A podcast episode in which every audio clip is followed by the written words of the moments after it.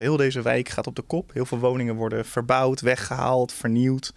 Uh, een heel groot gedeelte van de bewoners die moet hier over een paar jaar ook weg. En kunnen misschien nog wat terugkomen. Is er paniek? Ja, er is zeker paniek.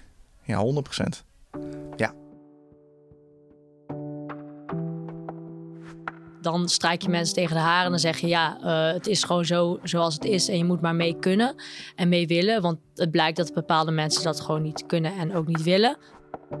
Uh, nee, ik heb wel uh, met vertrouwen in de maatschappij. Ik snap wel de mensen die dat niet hebben.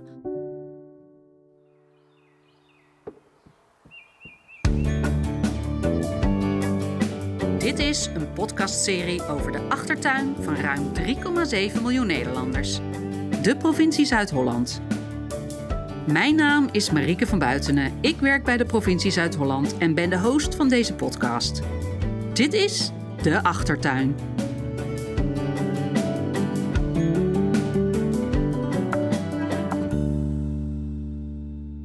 We vinden dat iedereen in ons land moet kunnen meedoen. Maar grote veranderingen leiden bij mensen soms tot afkeer, wantrouwen en protest. Uitspraken als wen er maar aan helpen dan niet. INO Research onderzocht voor de onderzoekstak Kennis Zuid-Holland wat er achter de protesten schuil gaat en hoe we meer mensen bij veranderingen kunnen betrekken. We praten daarover met onderzoekster Gwendolyn van Straten. Ik ben Gwendolyn van Straten en ik werk bij INO Research. Dat is een onderzoeksbureau uh, die onderzoek doet voor de overheid en non-profit organisaties. Ik doe veel onderzoek naar uh, onderwerpen zoals veiligheid, uh, maatschappelijke vraagstukken, participatie. En wat, mijzelf, heel, wat ik zelf heel erg interessant vind aan het thema, groepen in de samenleving en hoe die groepen met elkaar samenleven, maar ook hoe dat op sommige vlakken botst. Ja, dat is heel actueel allemaal. Je kan geen krant open slaan of je stuit wel op die term maatschappelijk onbehagen. Maar wat is dat nou precies? Wat maakt de situatie nu zo bijzonder? Wat nu het verschil is met vroeger, is dat bepaalde ontwikkelingen voor bepaalde mensen in de samenleving extra snel gaan. Bijvoorbeeld digitalisering. Het is best wel moeilijk voor bepaalde mensen in de samenleving om deze ontwikkeling uh, op, een goed, op een goede manier te kunnen bijbenen. En er zijn is ook dat bepaalde ontwikkelingen als een soort van onvermijdelijk worden gezien. Of als onvermijdelijk worden naar buiten worden gedragen. Mede door de politiek. En het is natuurlijk de vraag of ze echt onvermijdelijk zijn, die ontwikkelingen. Maar het is wel zo dat mensen het als onvermijdelijk voelen. En daardoor waarschijnlijk in de weerstandsmodus gaan. Omdat ze misschien niet mee willen of mee kunnen met deze ontwikkelingen.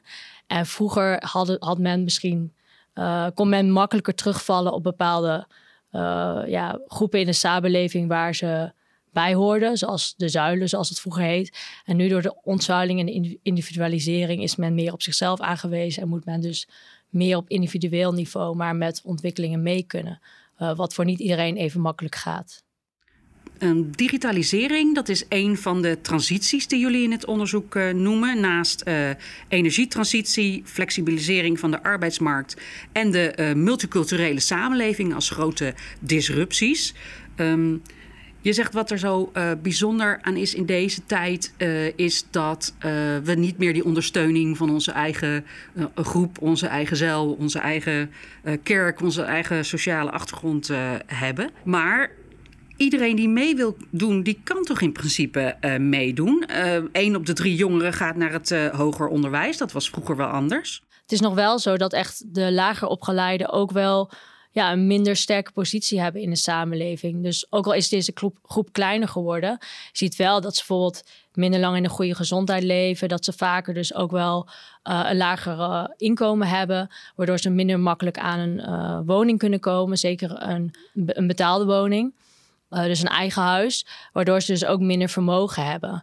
Um, en er zijn ook andere ontwikkelingen in de samenleving, eigenlijk nieuwere, nieuwe tegenstellingen die we zien. Zoals de flexibilisering van de arbeidsmarkt. Dat is een van de transities die wij in ons onderzoek uh, hebben onderzocht. En dat gaat er dus om dat bepaalde groepen in de samenleving eigenlijk gedwongen een flexibel contract uh, moeten aannemen, omdat er geen vaste contracten meer worden geboden. En dat is echt een scheidslijn, vooral tussen ook wel hoger en lager opgeleiden, wat we zien, maar ook tussen de oudere en de jongere generatie.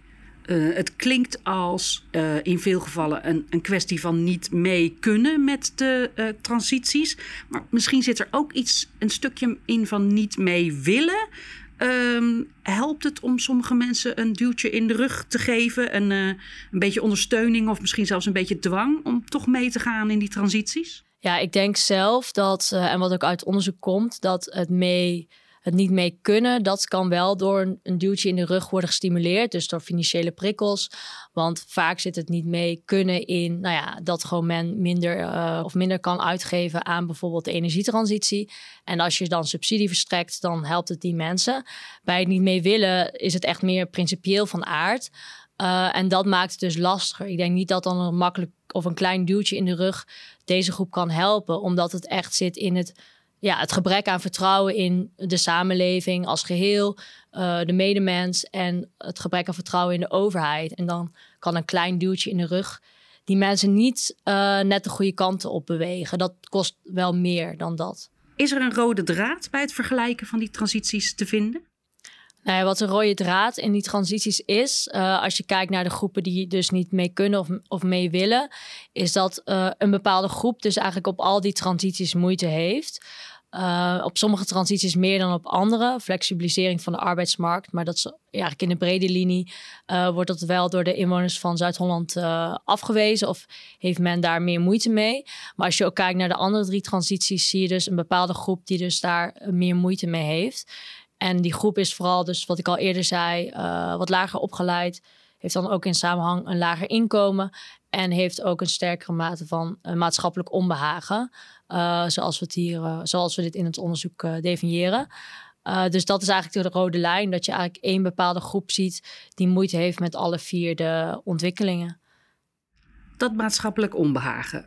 wat kunnen mensen zelf doen om meer vertrouwen in elkaar, in de politiek en in de samenleving te krijgen? En het gevoel te krijgen dat ze mee kunnen met die grote veranderingen. Ja, mensen kunnen de sociale cohesie versterken, zoals dat heet. Dus dat men elkaar meer opzoekt, bepaalde bevolkingsgroepen elkaar meer ondersteunen. Uh, en in sommige wijken is dat waarschijnlijk al heel sterk. In andere wijken moet dat meer gestimuleerd worden. En dat is dan de vraag van, is daar dan een rol voor de overheid in mogelijk? Of kunnen mensen dat zelf uh, organiseren en oppakken? Maar echt het vertrouwen in instituties en in de overheid, dat vergt wel meer dan uh, op individueel niveau. Ja, dat hogere niveau, de, de politiek. Wat, wat kan de politiek hierin betekenen? Nee, dan is het echt wel het versterken van die positie op sociaal en economisch vlak. En dan denk ik vooral aan de thema's uh, inkomen, opleidingsniveau en huisvesting. Dat is natuurlijk nog steeds heel erg abstract en breed natuurlijk.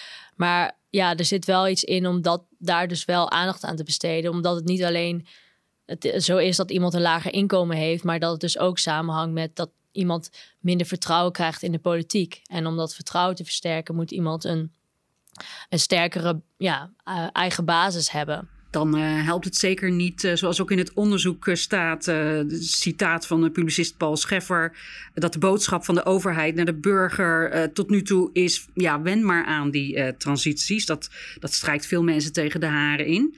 wat is een betere manier om te communiceren? wat beter is, is eigenlijk dat je meer gaat zitten op in, de, in gezamenlijkheid moeten worden opgelost. Of in gezamenlijkheid in naar deze transities moet worden toegewerkt. En daarbij dus ook rekening moet worden gehouden met bepaalde groepen die dus er ook wel iets meer moeite mee hebben. En dat zij mogelijk niet altijd eraan kunnen wennen en daar ook door de overheid rekening mee moet worden gehouden. En dat uiteindelijk misschien wel het doel kan worden bereikt van een transitie, bijvoorbeeld de energietransitie, maar dat dat niet voor iedereen even snel moet gaan. Dit uh, onderzoek is uh, uh, aangevraagd door de provincie Zuid-Holland. waarom houdt de provincie zich hiermee bezig? In eerste instantie was de reden voor de provincie om dit onderzoek te doen, omdat zij graag uh, aan kennisvergaring willen doen en een kennispartner willen zijn. En dus ook uh, deze kennis willen verspreiden, bijvoorbeeld onder de lokale politiek. Ben jij iemand met uh, maatschappelijk vertrouwen of maatschappelijk onbehagen? nee, ik heb wel met vertrouwen in de maatschappij.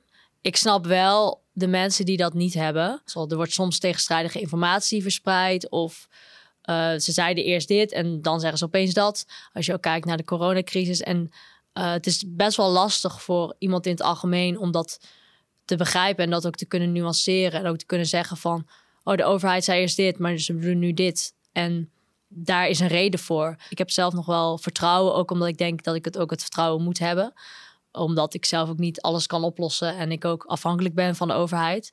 Dus het is ook wel een basis die je ook gewoon moet hebben. En hoe komt het nou dat iemand uh, groot maatschappelijk vertrouwen of juist wantrouwen heeft? Ja, we hebben daarbij gekeken eigenlijk naar ja, vijf elementen, zoals we het hebben genoemd. Uh, nou, het eerste element is dus het grip wat men ervaart op uh, zijn of haar eigen leven. het tweede element is ervaren van persoonlijke vrijheid en respect. het gevoel hebben om jezelf te kunnen zijn en ook het respect ervaren van anderen hierin.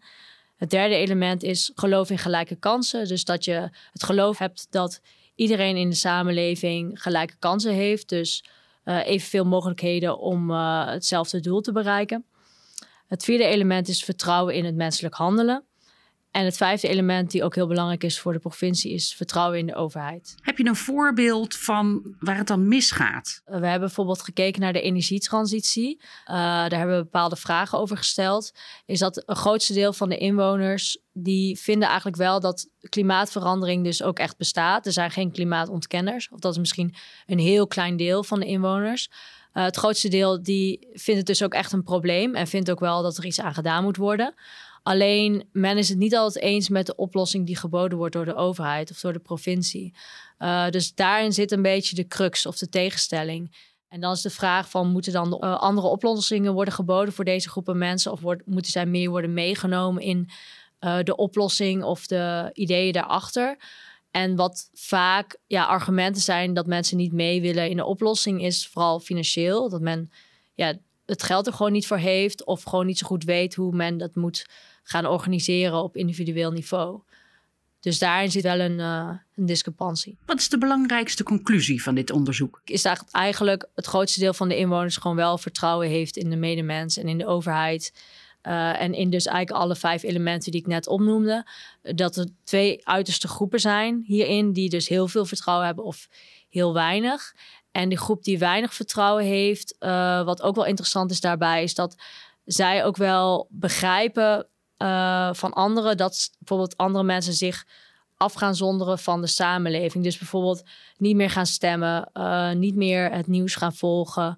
Uh, en aan de andere kant zich ook wat activistischer en wat extremer opstellen. In de zin dat zij meedoen aan protesten, met demonstraties mee gaan doen. Dus in die groep, in die maatschappelijk onbehagelijke groep, snapt men dat meer, snapt men dat gedrag ook meer. En in de groep die veel vertrouwen heeft, snapt men dat gedrag een stukje minder. Dus daarin zie je ook wel verschillen tussen deze twee groepen in de samenleving.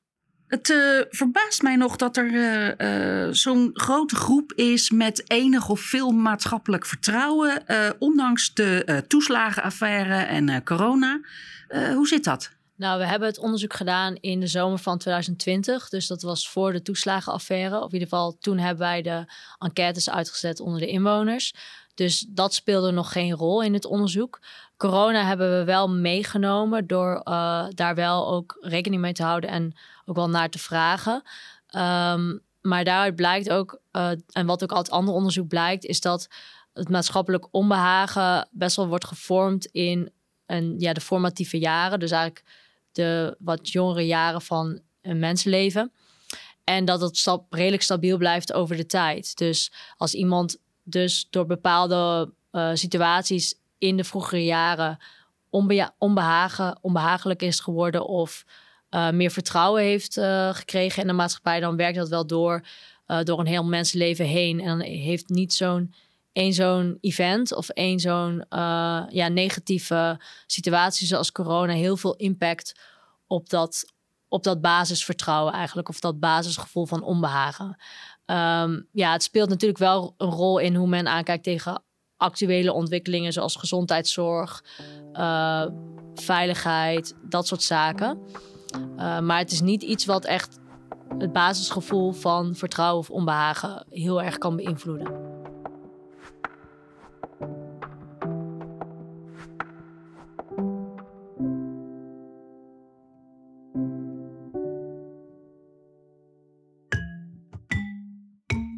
Maatschappelijk onbehagen is een onderwerp waar Nander Krapels regelmatig mee te maken heeft. Nander werkt als opbouwwerker voor Mooi Welzijn in de buurt Dreven en Gaarden in Den Haag. En Michiel gaat met hem in gesprek.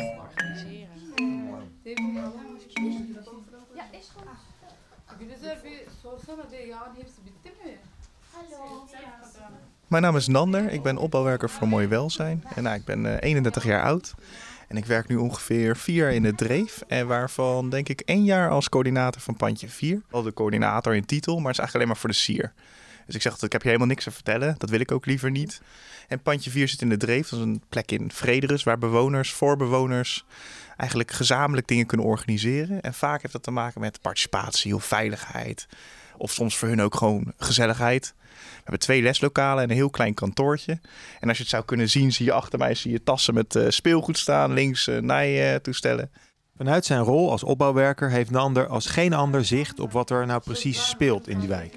Er komen twee werelden samen en precies waar die twee werelden samenkomen, daar staat hij.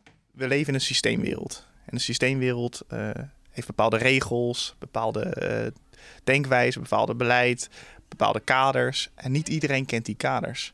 En vooral waar bewoners niet gewend zijn om in dat systeem te fungeren, kan het soms lastig zijn om een weg te vinden. Dat maakt ook dat zo'n zo'n wijk als dit. Kijk, als ik zeg dat als een, uh, als ik moet uitleggen bij een wijkschaal waarom gaat het hier fout, dan vraag je maar ja, hebben die mensen dan moeite om rond te komen? Ik zeg ja, dat, dat kun je zeggen als bijvoorbeeld één of twee mensen uh, niet rondkomen in een wijk. Maar het, het is systematisch 85% van de bewoners heeft gewoon schuldenproblematiek.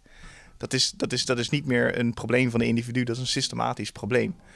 Uh, en dat maakt communiceren ook lastig. Soms kan de gemeente uh, niet goed de bewoners benaderen en soms weten de bewoners niet goed hoe ze de gemeente moeten benaderen. Zij willen het liefst uh, dat bewoners echt meedoen. Maar wat is meedoen? Voor mij is meedoen bijvoorbeeld ook dat bewoners gewoon simpelweg een deur uitkomen. Dat vind ik al een succes. maar als je naar de beleidskaders kijkt, de beleid is er helemaal niet op gericht. Want die willen, nee, er moeten zoveel activiteiten worden uitgevoerd, er moet zoveel dit gedaan. En vaak is het meer, uh, het gaat om de kwantificatie van, van nummers. Hoeveel, uh, wie, waar. Uh, en niet zozeer om de kwaliteit. En tegelijkertijd denk ik, ja, als je iets niet kan kwantificeren, dan kan je het ook niet meten. Hoe, en dat is vanuit de beleidskant, vanuit die systeemwereld waarschijnlijk wel heel belangrijk. Dus hoe maak je dan die kwaliteit wel meetbaar? Is dat ook iets waar jullie mee bezig zijn? Tuurlijk, dat, dat, je, dat je moet kwantificeren is logisch. Uh, simpelweg ook, we halen geld ergens vandaan. Geld moet verantwoord worden, moet op de juiste manier uitgegeven worden. Alleen ik denk dat we op moeten passen dat we niet te veel uh, marktwerking krijgen en dat we alleen maar kijken naar kwantificering. Kwantificering is ook anoniem.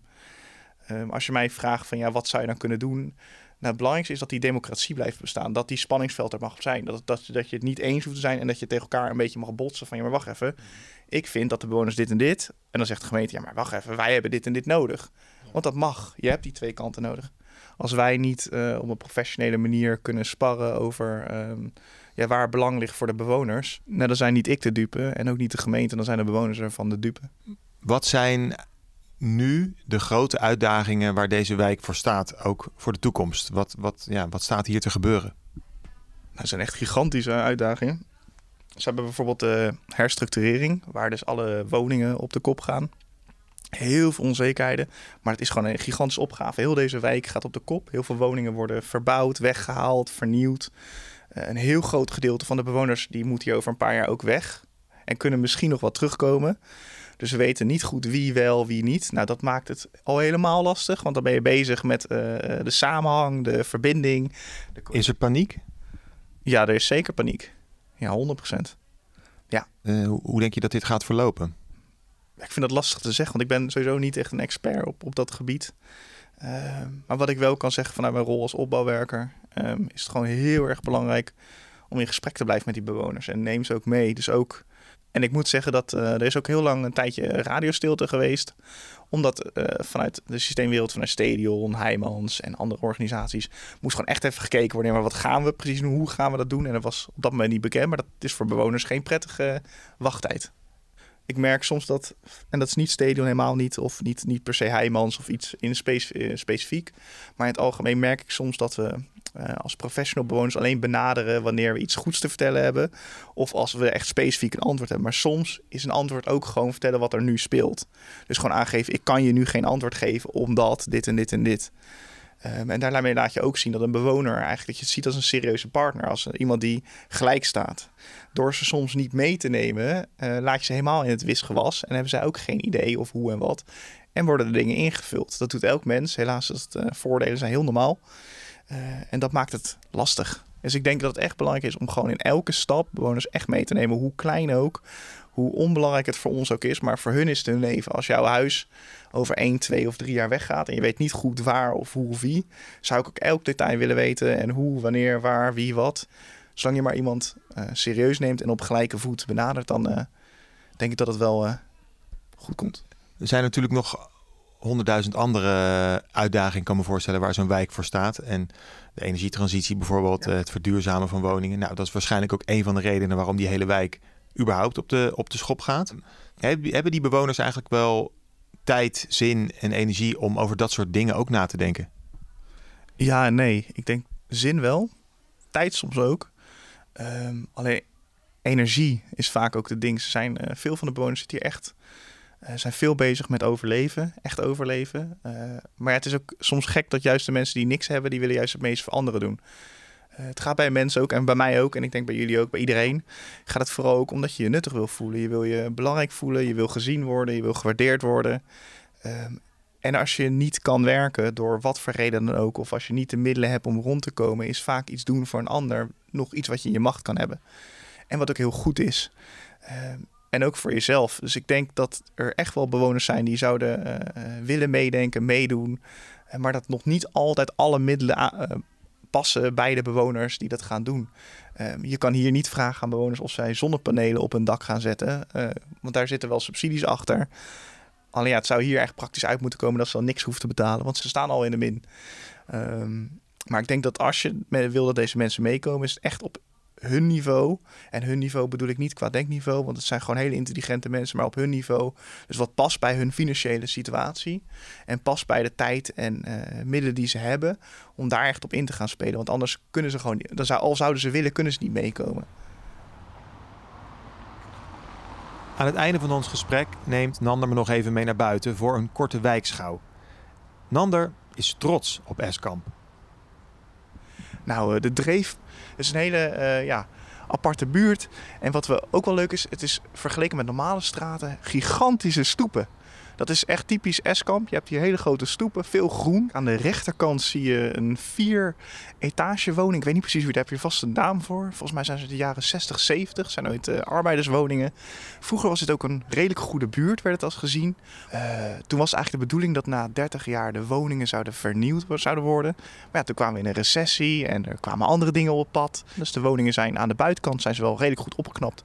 En aan de binnenkant doet vooral Stadion ook echt wel en andere woningorganisaties echt wel hun best om het op te knappen. En je merkt dat de woningen langzamerhand een beetje de, de, de bewoners in de steek laten. Het is op. Ja, het is op. Het is op. En of dat nou uh, plat gaat, of dat het verbouwd wordt of vernieuwd wordt. Een groot gedeelte van deze wijk gaat gewoon anders worden. Door die herstructurering worden veel woningen bijgebouwd, veel woningen vernieuwd.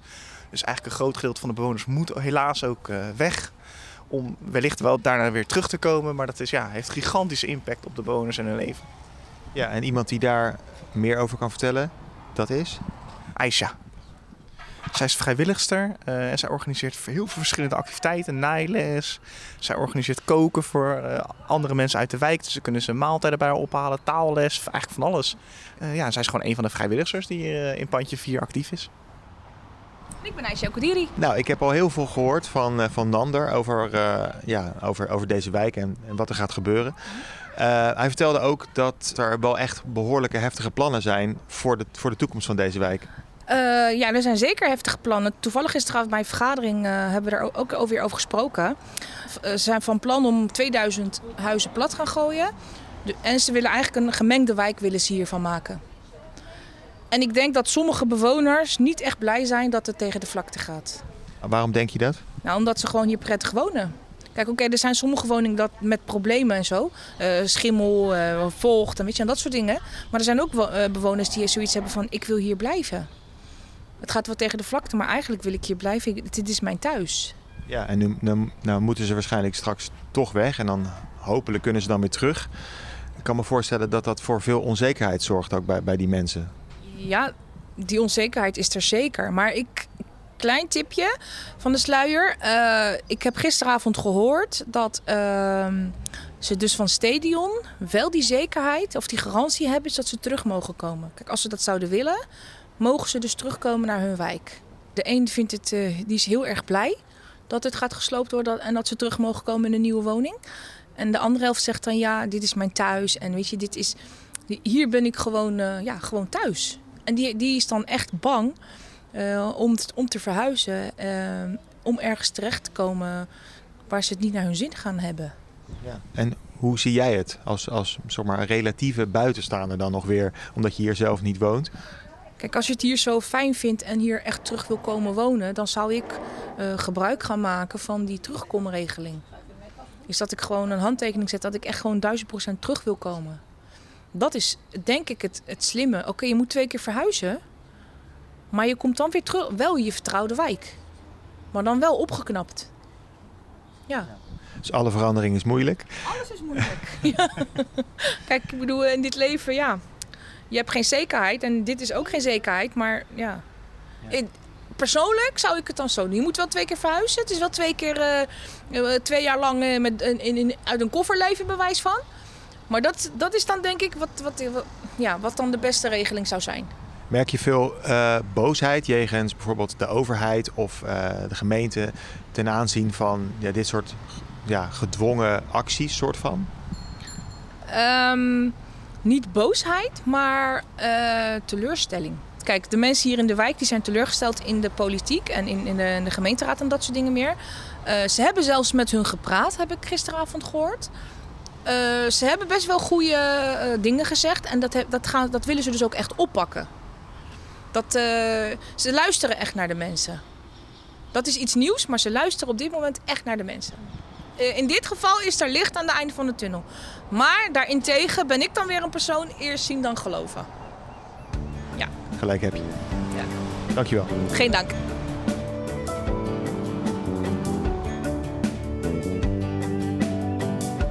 Dit was de zesde aflevering van De Achtertuin, geproduceerd door Klank. Met dank aan onze gasten Gwendolyn van Straten en Nander Krapels. Voor meer informatie ga je naar de website www.zuid-holland.nl/podcast. Bedankt voor het luisteren.